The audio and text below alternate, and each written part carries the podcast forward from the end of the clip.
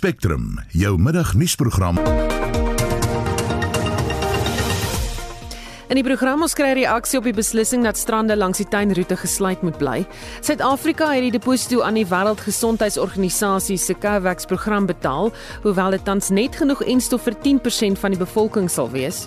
the first batch of the uh, vaccines that we will receive will not be enough to cover all the South Africans. So we will start with those who are at most risk in terms of uh, contracting the virus. Ons vra of jou versekering sal uitbetaal as jy in 'n ongeluk betrokke is wanneer die aandklokreël van krag is en die ontslape Arthur Peterson wat tussen 1997 en 2009 die spanbestuurder van die Springbokke was word as 'n nederige mens beskryf. Goeiemiddag, ek is Susan Paxton. 9 minute oor 1 jy luister na Spectrum die DA sê hy sal aanhou veg daarvoor dat COVID inperkingsmaatreëls 'n balans handhaaf tussen die voorkoming van die verspreiding van die virus en die beskerming van die ekonomie. So sê die partyleier John Steenhuisen in reaksie op die party se onsuksesvolle hofaansoek om die sluiting van strande langs die tuinroete nietig te laat verklaar. Heinrich Weingart berig. Steenhuisen verwelkom die hof se beslissing om die sluitingsure van strande aan te pas van die aanvanklike 9 uur soggens tot 6 uur saans na 6 uur in die oggende tot 7 uur in die aande. Die DA bly egter besorgd oor die algemene sluiting van strande langs die tuinroete oor die feesseisoen. Steenhuisen sê dit sal verrykende en vernietigende gevolge vir plaaslike ekonomie en diegene inhou wie se bestaan van seisonale toerisme afhanklik is. While we obviously respect the judgment, we understand that this ruling remains a devastating blow to the thousands of small businesses along the garden route which now are at serious risk of collapse or having to let key staff members go. This problem is not going to go away once South Africa emerges from the coronavirus pandemic, and we cannot ignore the terrible risk to livelihoods which many of the lockdown restrictions present and the reasons behind many of the legal challenges that we have initiated, including this one. Hy sê die DA sal gedurende die pandemie aanhou optree in die belang van die veiligheid van Suid-Afrika se mense en om te verseker dat die ekonomie nog sal bestaan wanneer die COVID-stof gaan lê. South Africa's coronavirus response must always take into account that delicate balance between lives and livelihoods. Poverty and unemployment are the biggest killers in South Africa. They underlie many of the societal as well as health problems that we face in our country. Our country cannot endure any regulations which harm the economy and cut citizens off directly from their means to make a living in a safe and secure manner. Regulations imposed to mitigate the spread of the coronavirus must be within reason and backed up by scientific and medical advice. Anything less is a reckless assault on the livelihoods of millions of South Africans in an economy which was already in difficulty before coronavirus and is now on its knees as a result of government's lockdown. Hy sê die regering moet verhoed word om die lewens van vrye individue in 'n demokratiese samelewing willens en wetens te domineer en bestuur. We accept combating a virus like the coronavirus is not an exact science. But decisions to close off beaches and shut off people's access to economic well-being, we believe are going to leave deep scars in the South African economy, and many businesses that close over this period may not reopen in the new year, adding even further people to the unemployment queue and less revenue for government and less ability of residents, citizens, to be able to meet the economic requirements that they need to sustain themselves and to sustain their families. Dit was die DA leier John Steenhuisen. Heinrich Weingart vir SAK nuus. Bly by die storie die COVID-inperkingsmaatreëls waaronder die sluiting van strande oor die belangrikste feesdae het 'n ernstige uitwerking op plaaslike en buitelandse besprekings by toerisme of toeristebestemmings eerder. Om meer hieroor te praat, praat ons nou met Cornelis van der Walt hoof van navorsing by die Wes-Kaapse Bemarkingsagentskap Westgrow. Ehm um, goeiemôre Cornelis. Middag Susan. Gee vir die luisteraars 'n oorsig oor hoe die situasie lyk met besprekings in die Wes-Kaap, ehm um, jy weet en ook wat plaaslike besprekings betref. Susan, ons het die jaar redelik goed begin en dit het redelik positief gelyk in vergelyking met verlede jaar. En toe natuurlik het ons die die lockdown gehad wat 'n katastrofies vir die toerisme industrie was en steeds is. Uh op hierdie stadium uh lyk dit of ons minder as 35% van die toerisme wat ons verlede jaar gehad het, hierdie jaar gaan hê. Ons het gehoop vir so ongeveer 50% maar as gevolg van die sluit van strande en ook die uh versoeke van die regering om nie uh, te reis nie, lyk dit vir ons of of dit um baie minder gaan wees. So ons kyk op hierdie stadium so in die omgewing van tussen 30 en 35% van wat ons gehad het. En natuurlik internasionale toerisme is is nog meer katastrofies. Ons is minder as 10% van wat ons verlede jaar verlede jaar gehad het. 'n Peiling deur die aanlyn diensverskaffer Knights Bridge toon dat 'n derde van gastehuise langs die tuinroete minstens 50% van hulle besprekings vir die feesseisoen verloor het. Is dit 'n algemene tendens? Susan, dit strook met die navorsing wat ons gedoen het. Ons het gesien dat tussen uh 30 en 80% van uh, uh mense het besluit om hulle uh, reise te te kanselleer of uit te stel na 'n latere uh, datum. Uh so dit strook ook met wat ons gesien het. Wat sou plaaslike toeriste of internasionale besoekers nog kan doen ten spyte van die inperkings en sluiting van die strande? So dit is 'n baie goeie vraag. Aangesien daar soveel dinge is wat ons kan doen in Suid-Afrika natuurlik in die Wes-Kaap. Ek dink die een groot voordeel wat ons as 'n land het is dat ons baie spasie het en dit is juist 'n ding wat ons wil hê want corona hou daarvan as ons baie op mekaar is. Daar is geweldig baie plekke soos die Karoo, soos die Weskus, soos die Cederberge ehm um, plekke in die in die Weskaap waar mense kan heen gaan waar daar nog steeds akkommodasie beskikbaar is. Selfsorgeenhede is natuurlik fantasties want 'n mens kan nog steeds jouself isoleer van mense en dan vra ons vir mense om net verantwoordelike toerisme te doen. Dra jou masker, gebruik 'n uh, handreiniger en maak seker dat ons nie in groot groepe saam beweeg nie. Maar ons wil mense sterk aanmoedig om steeds te reis, om ons land te geniet, maar doen dit net op 'n verantwoordelike manier. Ek wil nou vir vra, die Night Bridge peiling toon ook dat mense wegbly weens vrees dat hulle die virus sal opdoen. Wat doen julle om die vrees te besweer?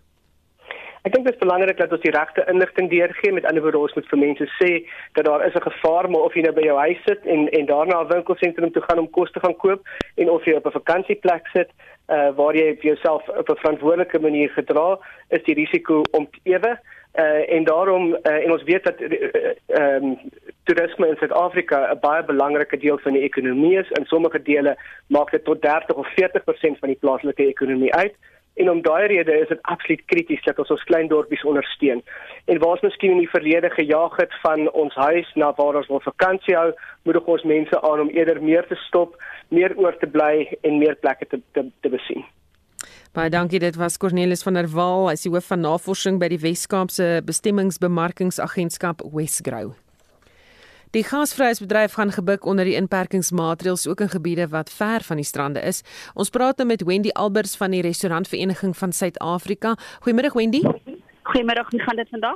Met my gaan dit goed, maar sê vir my, word restaurante vergeet in die groot fokus wat op die sluiting van strande geplaas word? Dit is uh, baie moeilike tye vir ons, maar ons uh, doen ons baie bes om uh, ons deure oop te maak en almal se veiligheid op die booste van ons lys te sit. Presies hoe erg word restaurante geraak wat hierdie eh, beperkings aanbetref? Look, the last nine months have re really shown that we are isolated on our own. We've had no support from government, anybody in the food chain, banks, insurance companies. We're in a tricky relationship with landlords, as you well know. We're currently going through a divorce, trying to have a courting relationship. And all these things lend to the complexity of us trying to keep our businesses in a survival mode. Um, and when we don't have collaboration with government and they're not in a position to look at mechanisms that bring the least amount of impact, we land up in a situation where we've landed up now on the 11th hour in crisis mode. So if we had engaged with uh, everybody earlier on and we had planned effectively and we were proactive as opposed to reactive, I think that a lot of the decimation that's currently taking place could have been better managed. And I think the spiking numbers could have also been better managed. Hoe belangrik was die eh, vakansieseisoen vir die bedryf? You know, we called for the lifting of the curfew to 12 or 1 p.m. in order to accommodate the amount of people and to give everybody an opportunity to enjoy time with their family and friends in a safe environment. Now, with the curfew, what's happening is that people are coming for a quick drink or a quick bite to eat and they're going to house parties. We're finding a lot of our businesses really just transferred to illicit trade and it's going into environments which people can't control, crowded homes, confined spaces and close contact with people. At least if you're operating and you're eating in an establishment, it gives you the opportunity to be part of the protocols for us to safely administer, you'll register to take your temperature and to do proper contact tracing. Now, to all the underground and house parties, it certainly doesn't lend itself for responsible behavior.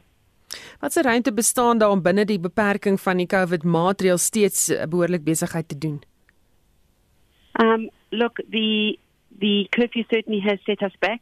Uh, proportionally, we haven't done a survey yet. We'll do it straight after the holiday season, but I can certainly say that we weren't even trading up to 50, 60% of our current t- turnover at a capacity restriction of numbers. Now, with the further restrictions on numbers as well as the curfew, I anticipate we're probably doing 50% of the original 50 or 60% that we were doing. So the retraction has been quite evident. Uh, we are really struggling. We've had to bring in a lot more staff, and the complexity, also the um, sanitization, further tables and chairs for further output. We've also been creating outdoor spaces for South Africans to enjoy the weather. So it really has been a very expensive turn for us to try and keep our businesses alive and to survive COVID. Baie dankie dit was Wendy Alberts en sy is van die restaurantvereniging van Suid-Afrika. Suid-Afrika se deposito vir die enstof teen COVID-19 is uiteindelik aan die Wêreldgesondheidsorg COVAX eenheid betaal. Volgens die Solidariteitsfonds se voorsitter Gloria Serobe is 'n bedrag van 327 miljoen rand betaal. Die betaling is laat as gevolg van bureaukratiese rompslomp. Die direkteur-generaal van die Departement van Gesondheid, Sandile Buthelezi, verduidelik wie wie eers die enstof sal ontvang. The prioritization is really based on the fact that the first batch of the uh, vaccines that we will receive will not be enough to cover all the South Africans. So we will start with those who are at most risk in terms of uh, contracting the virus. Hence, uh, our healthcare workers will be the first on the line. Those who are actually the elderly, those with uh, comorbidities, down on the line, we'll look at the other frontline workers and then going down as the vaccine gets available until we are able then to vaccinate all the South Africans. Buthelezi sê daar is 'n spesifieke formule waarop gewerk word om te bepaal hoeveel van die enstof die land gaan nodig hê. There is actually an allocation subcommittee within the COVAX and we've actually written to uh, to Gavi who's leading on this aspect that we also want to participate in that allocation so that we are able to see how much we are going to get but more importantly also which vaccine in terms of the selection because as South Africa again the expert committee has identified key characteristics of the vaccine that would be suitable for this country. We know that not all the vaccines will probably be suitable for South Africa. So we've, uh, we've put up a key criteria through the Ministerial Advisory Committee that they've advised uh, the Minister, and myself and the department on what do we need to look at so that when we sit, we get allocated the right vaccine for us.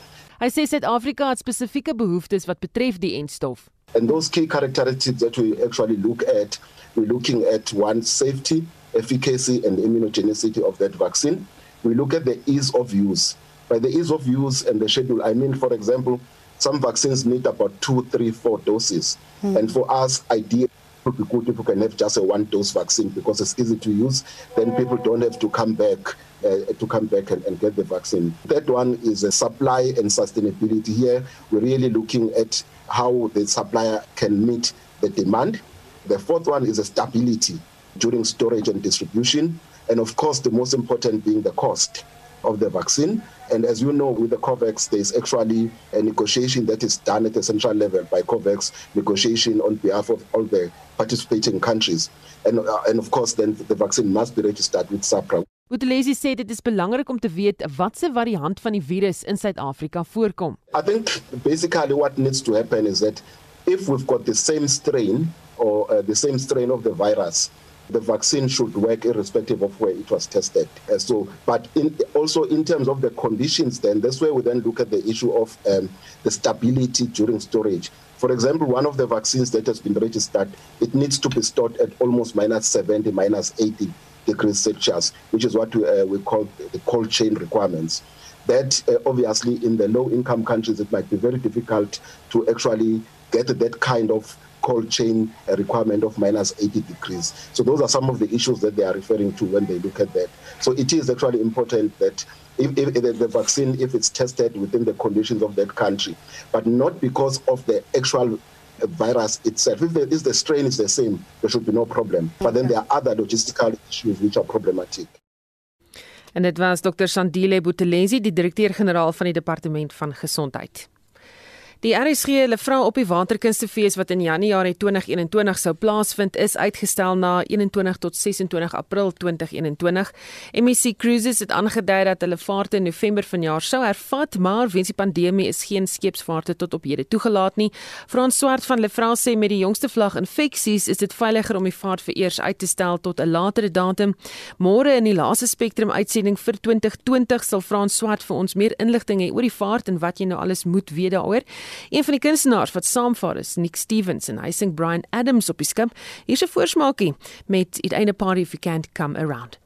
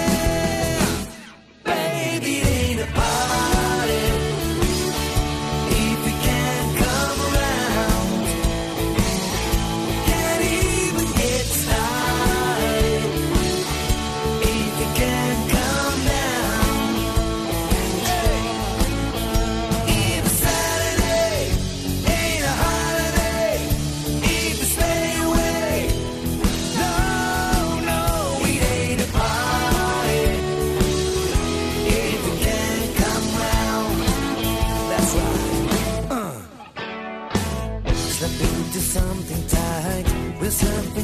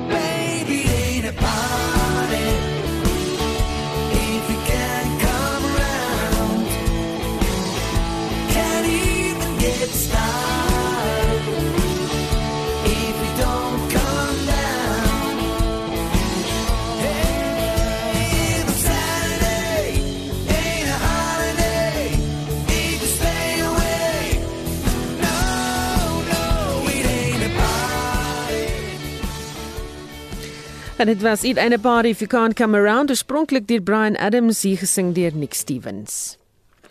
Gerigte op sosiale media wil dit hê dat as jy in 'n botsing betrokke sou wees met jou voertuig terwyl die aandklokreël van krag is, jou versekerings kan weier om die eis uit te betaal. Maar is dit die waarheid? Ons praat met die hoof van die regsafdeling van King Price, Wynand van Vieren. Goeiemôre Wynand. Alles dan gaan dit goed. Dit gaan goed met my, maar sê vir my, steek daar enige waarheid in die gerugte?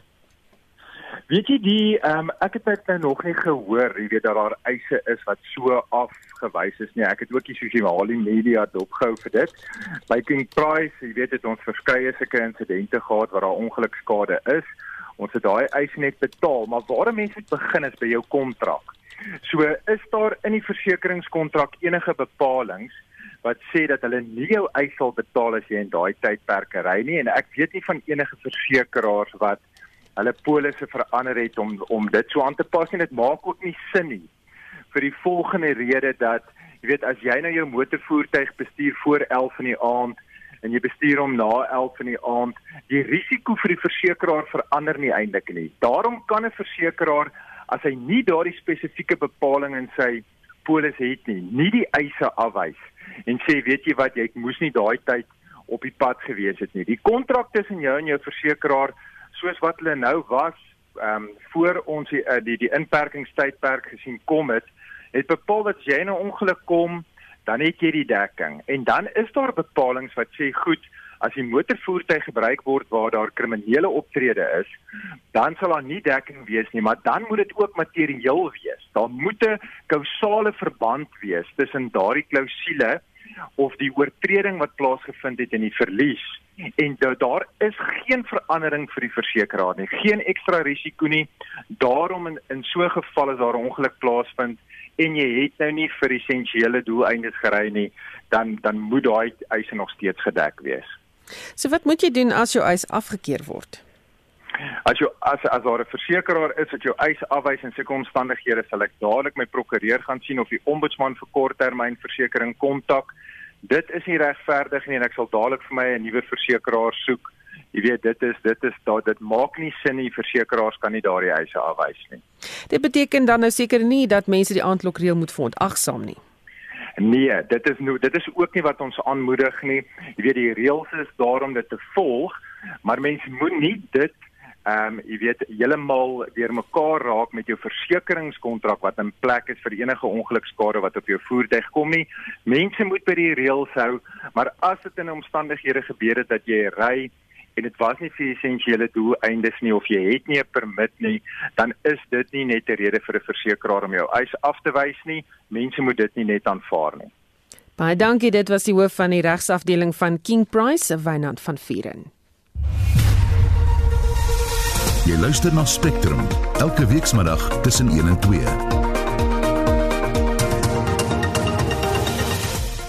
Nog in die program verskeie gebiede in Suid-Afrika wat gebuk gaan onder droogte het reën ontvang. Ons fokus op die verskeie organisasies wat die landbougemeenskap help om te oorleef in die moeilike tyd. En ons praat oor die lewe en loopbaan van die voormalige Springbok spanbestuurder Athra Petersen wat aan COVID dood is. Bly ingeskakel. Geen verkeer. Die N3 tolkonsessie het land weer daar was 'n botsing eh, naby Warden gewees tussen 'n vragmotor en 'n voertuig. Die noordelike baan, dis nou die pad op uh, op pad terug Apteng toe is gesluit en ons 'n stopry beheerpunt in die suidelike baan. Dis nou op die N3 by Warden. Hou dit in gedagte as jy daartoe gaan of daar gaan ry. In Gauteng staan 'n voertuig op die N1 Noord net na die Olifantsfonteinweg afrit en dit is jou verkeersnuus. Shaun Jooste het 'n blitsoorsig van die dag se sportnuus.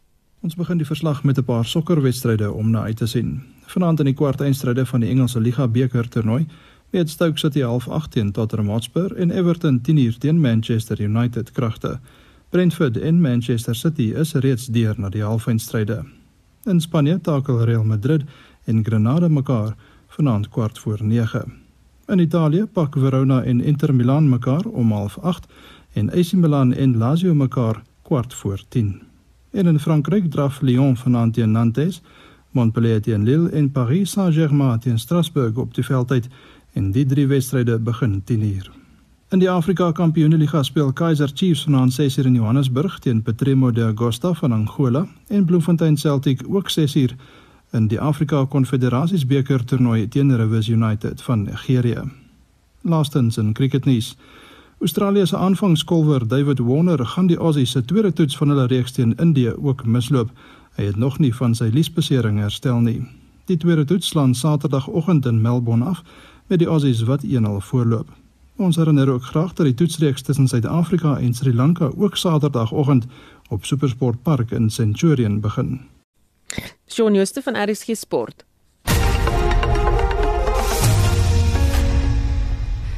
Namibië se minister van gesondheid en maatskaplike dienste, Kalumbi Shangula, het vanoggend in Windhoek verdere COVID-19 beperkings aangekondig. Die maatreëls sal tot minstens 13 Januarie van krag wees, Frikkie Wallis berig. Shangula het gesê dat die situasie in Namibië die afgelope week verder versleg het tot vlakke wat nog nie so ver in die land gesien is nie. Feitelik alle beddens by staats sowel as private hospitale word beset. Die afgelope week is 2716 nuwe gevalle aangemeld wat 68% meer is as die vorige week. 17 sterftes het ook die afgelope week voorgekom wat 6 meer is as die vorige week. These statistics are staggering. They indicate that the COVID 19 situation and the impact of the pandemic in the country has become grave. Therefore, it is our considered view, following broad consultations, that this current situation requires adjustments to our response and preparedness measures. Of great concern is the fact that the cases are spread countrywide. This is born from the fact that most Namibians from all parts of the country have consistently failed and are failing to adhere to preventive measures put in place to suppress the spread of the pandemic. Putting it bluntly, failure to comply is putting others at risk of infection and gambling with the lives of Namibians. Die nuwe maatreëls wat om middernag in werking tree, is 'n beperking op die beweging van mense tussen 9 uur saans en 4 uur soggens, dat alle openbare byeenkomste tot 50 mense beperk word en dat organiseerders 'n register moet hou van alle aanwesiges. Alkoholverkope in kroë, shebeens en restaurante sal van maandag net tot Vrydag tot 8 uur in die aand toegelaat word. Die dra van gesigmaskers is verpligtend ook in vliegtye, motors en met alle openbare vervoer. Die prokureur-generaal Festus Mbandeka sê 'n besluit oor strande sal later bekend gemaak word indien nodig. We do not want to close out certain activities like going to the beaches and have certain entertainments or celebrations. We expect the participants or people who are participating in these activities, as indicated earlier, to comply with the health measures and other protocols. What is expected of the uh, people who will be taking part in these activities is to comply with the health regulations and COVID protocols to the extent possible, eh, to ensure that they do not come too reckless in doing so. Die Namibiese prokureur-generaal Festus Mbandeka. 'n Waarskuwing is op die media-konferensie vanoggend gerig dat die maatreëls nog verder verskerp sal word indien mense voortgaan om hulle nie aan die neergelegde vereistes te steur nie. Ek is Frikkie Wallis op Swakopmund. Arthur Peterson wat tussen 1997 en 2009 die spanbestuurder van die Springbokke was, se dood aan COVID het mense in sport en onderwyskringe geskok. Ons praat met die oud rugbybaas Brian van Rooyen. Goeiemôre Brian. Goeiemiddag Susan, hoe gaan dit? Met my gaan dit goed, maar hierdie is inderdaad baie slegte nuus. In 'n Facebook-inskrywing gebruik jy die woorde van die Amerikaanse skrywer Rebecca Barlow Jordan om Peterson te beskryf. Vertel ons bietjie meer daarvan. Ja, nee, kyk, uh, uh ek het ek het uh, was bevoorreg om met uh, met Atrop te werk. Uh inteendeel ek het hom aangestel as Springbok bestuurder en jy weet sy ehm um, uh, hy was hy was een van daai persone soos soos wat ek gesê het dat Rebecca Barlow gesê het dat jy weet he was humble to the core.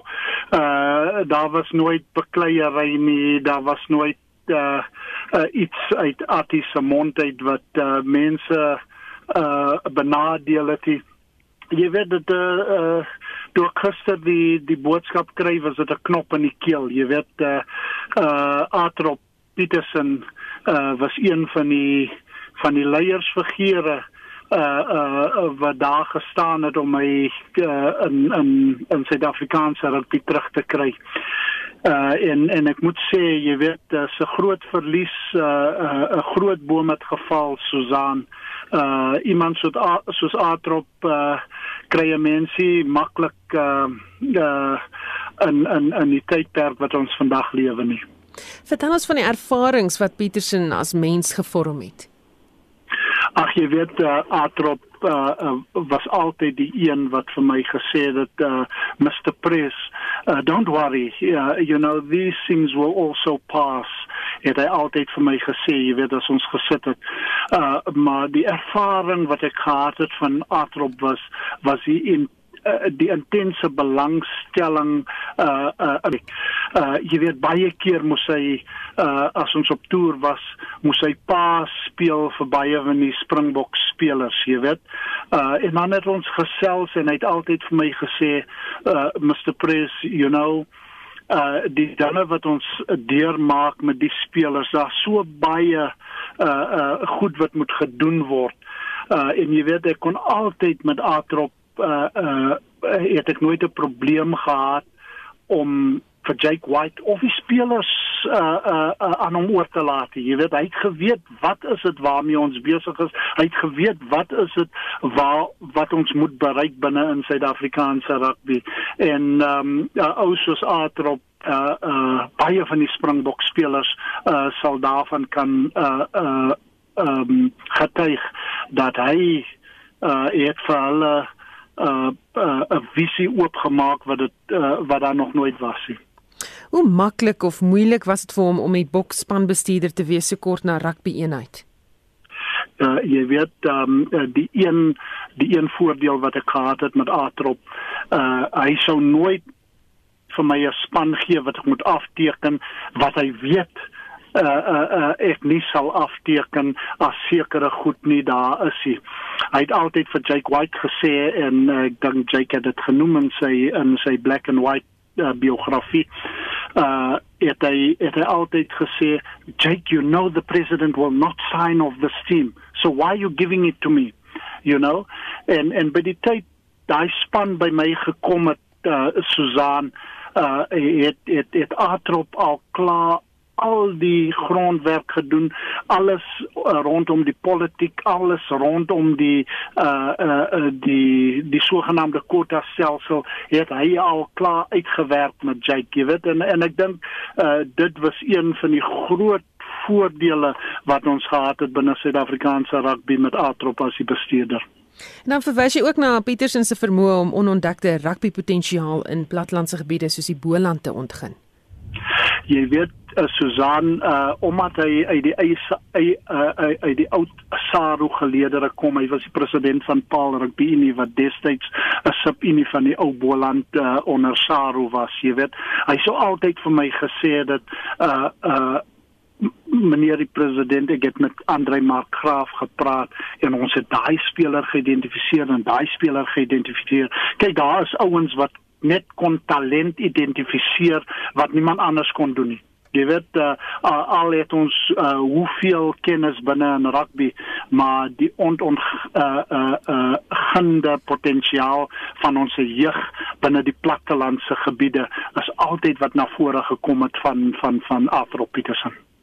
Baie dankie. Dit was die voormalige president van SA Rugby, Brian van Rooyen, wat met ons gepraat het oor die dood van die oud bestuurder van die Springbokke, Arthur Petersen.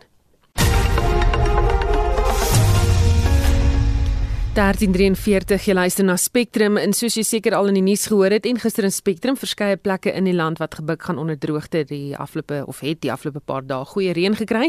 En ons praat met die uitvoerende direkteur van Agri SA, Christo van der Rede. Goeiemôre Christo.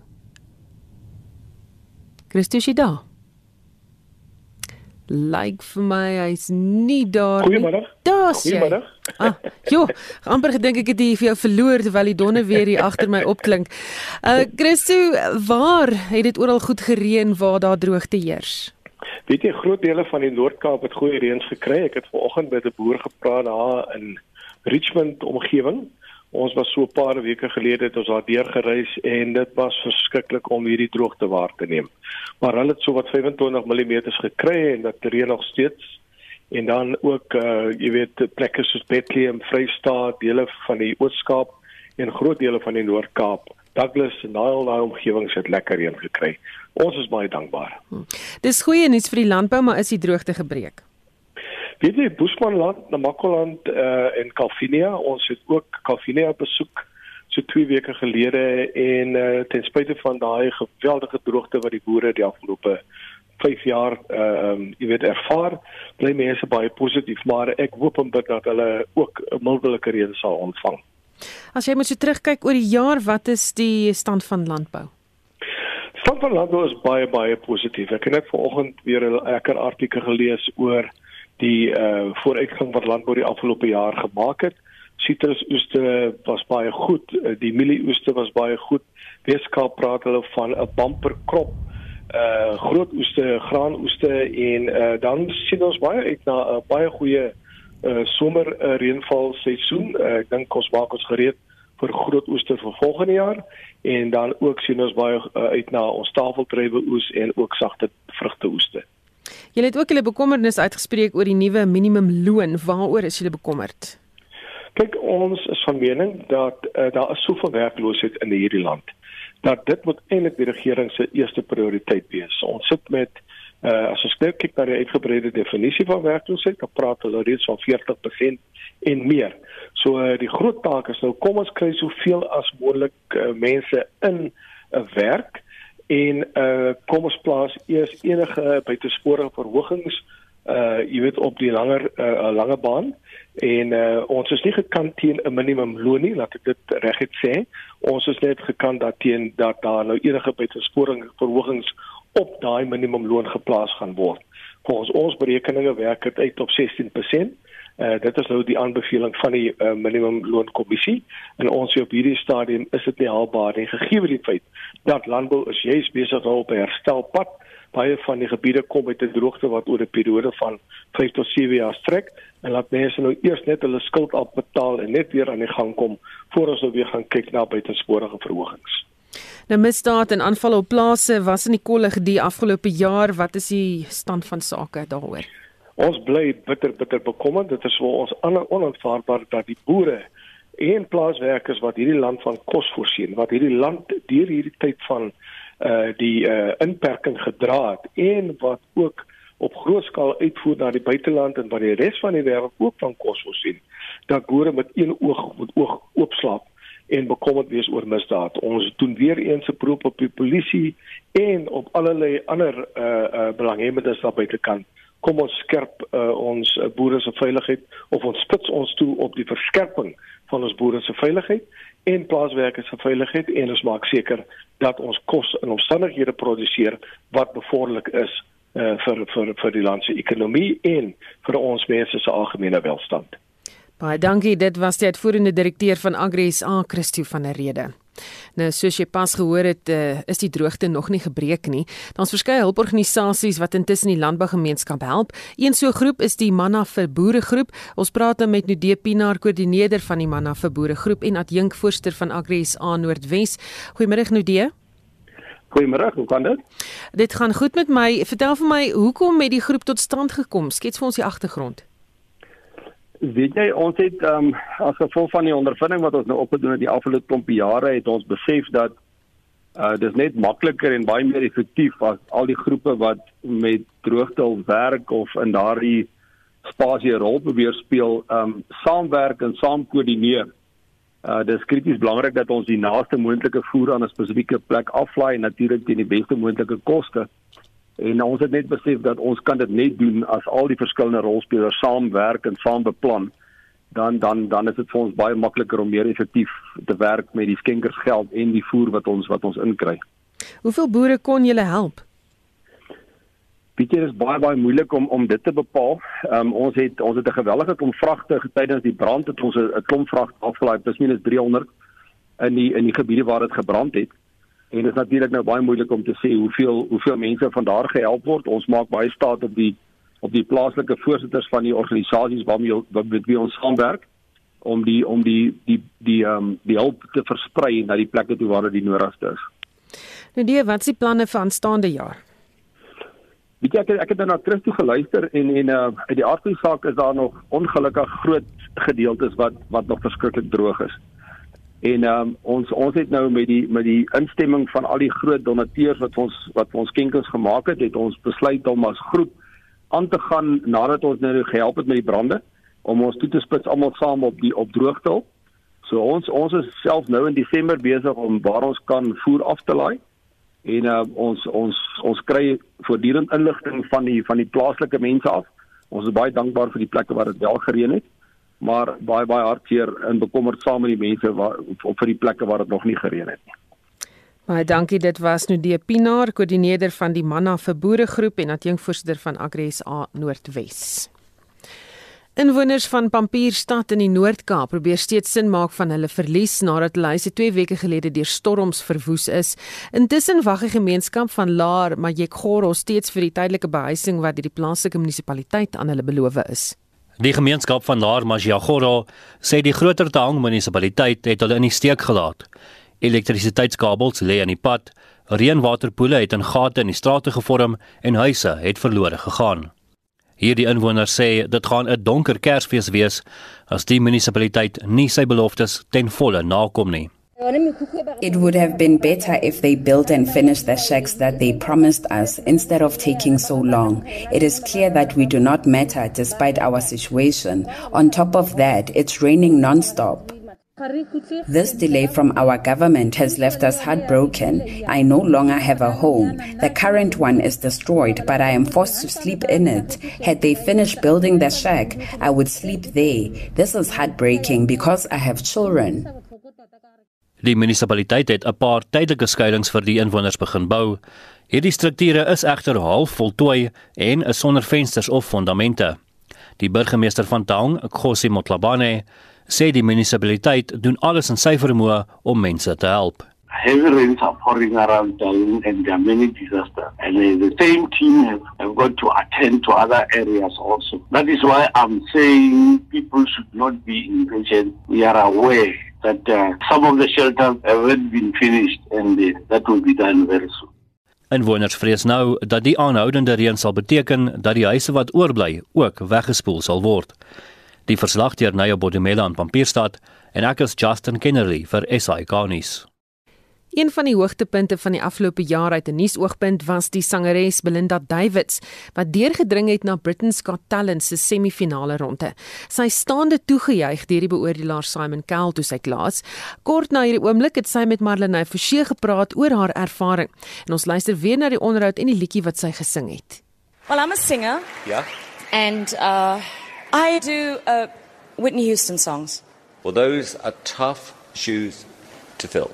I got the privilege of meeting her a couple of times, and she was just the most amazing person. She had this glow about Yeah. her. Yeah. Really did. So, out of all the Whitney songs, why this song? It reminds me so much of my boys. Now the nerves are gone and everyone loves you. Let's do the performance of all time. Ek kon nie glo d- op baie oomblik kon ek nie glo ek het dit dit deurgemaak nie. Ek kon nie ek kon nie glo ek het deur hy daai liedjie gegaan nie. Kon nie glo ek het dit gemaak tot by die einde nie, want ek was so nervous geweest, hoor. Ek was so vreeslik nervous geweest. Baie mense sê, "Ja, maar jy het dit al so baie maal gedoen al. Hoe kon jy so nervous gewees het?" Wel, ek gaan vir jou een ding sê. Net voordat ek op die stage geloop het, het ek myself gesê, "Oké, okay, jy het al die van tevore gedoen. As a matter of fact, jy het dit 2 dae gelede gedoen en dis jou territory. You've done this before." En die minuut toe ek my voet op daai stage sit, toe gaan alles uit. Alles wat ek gepractice het om my nerves weg te kry, alles wat ek gepractice het, het uitgegaan. Ek was petrified. Ek was so bang geweest. Toe besef sy dat die uitvoering nie net oor haar gaan nie. Ek moet nou dink aan wie ek represent. Ek represent my country. Ek represent. En ek het besef op daai uit dat dit gaan nie meer oor my nie. Want dit was nie meer ek was nie op huidige oomblik was ek nie meer die Whitney Houston tribute act nie. Was dit nou Belinda Davids wat 'n lied sing vir die inspirasie van jong meisies en jong, jong seuns wat musicians wil wees, wat singer singers wil wees. Dit gaan oor oh, so baie dinge deur my kop gegaan hy hierdie huidige oomblik, maar dit was groter as ek. Dit was nie meer oor my nie. Die oomblik was toe so groot dat sy nie eens agtergekom het dat die berugte Simon Cowell haar met 'n staande ovasie vereer nie. Actually toe ek toe ek die, die live ek kyk daai dag, toe dit e live. Toe kyk ek met my twee seuns. En toe heilig. Ek het gehuil want ek het nie die ek het nie die standing ovation onthou nie. Ek kon dit nie onthou nie.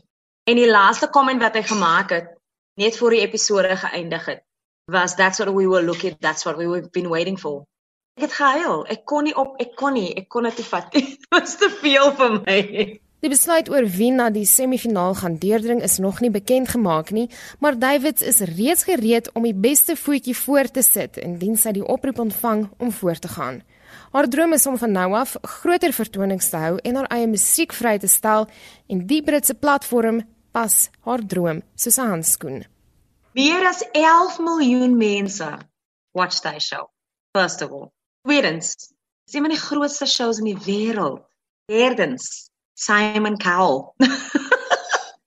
Simon Cowell, one of the most respected people in the music industry. Dis al, dis al wat ek kan sê. Sy is veral bekend vir haar uitvoering van die ikoniese Amerikaanse sangeres Whitney Houston se musiek. Die eerste maal toe ek haar gehoor dit sing was toe ek 8 jaar oud was. En sy was die koneksie. She was the connection to my dream. Ek sê dit altyd en ek sal dit nog aan 100 maal sê. She was the connection to my dream. Sy het my maak besef besef dat ek wil graag 'n sangeres wees. Ure op ure op ure het ek gesit en luister na haar. En ek dink ek het haar gekies toe ek 8 jaar oud was. Dit het nie net gebeur nou die ander dag nie. Dit het 'n lang tyd gelede gebeur. En hoe kan jy nie Whitney Houston kies nie? Kies sy is een van die beste. Die beste. Each day I live, I want to be ready to give the best of me. I'm only one, but not alone. My finest day is yet unknown. I broke my heart for every gain to taste the sweet. I face the pain. I rise and fall. Yet through it all, this much remains.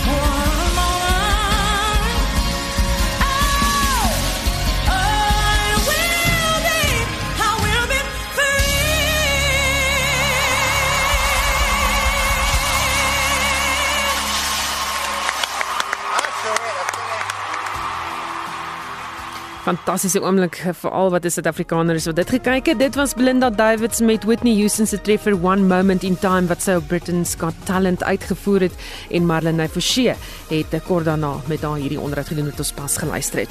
Die N3 tolkonssessie het laat weet dat uh, die botsing daar by Warden is uh, skoon gemaak, so die pad is nou weer skoon, jy kan daar ry, maar die verkeer staan 'n bietjie want het, alles het opgehoop terwyl die pad skoon gemaak is, maar jy kan weer daar ry.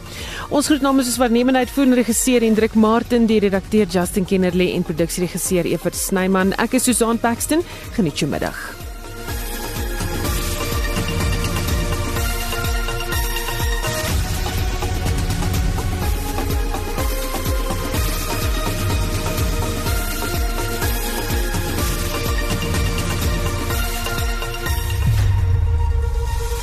SAK nuus.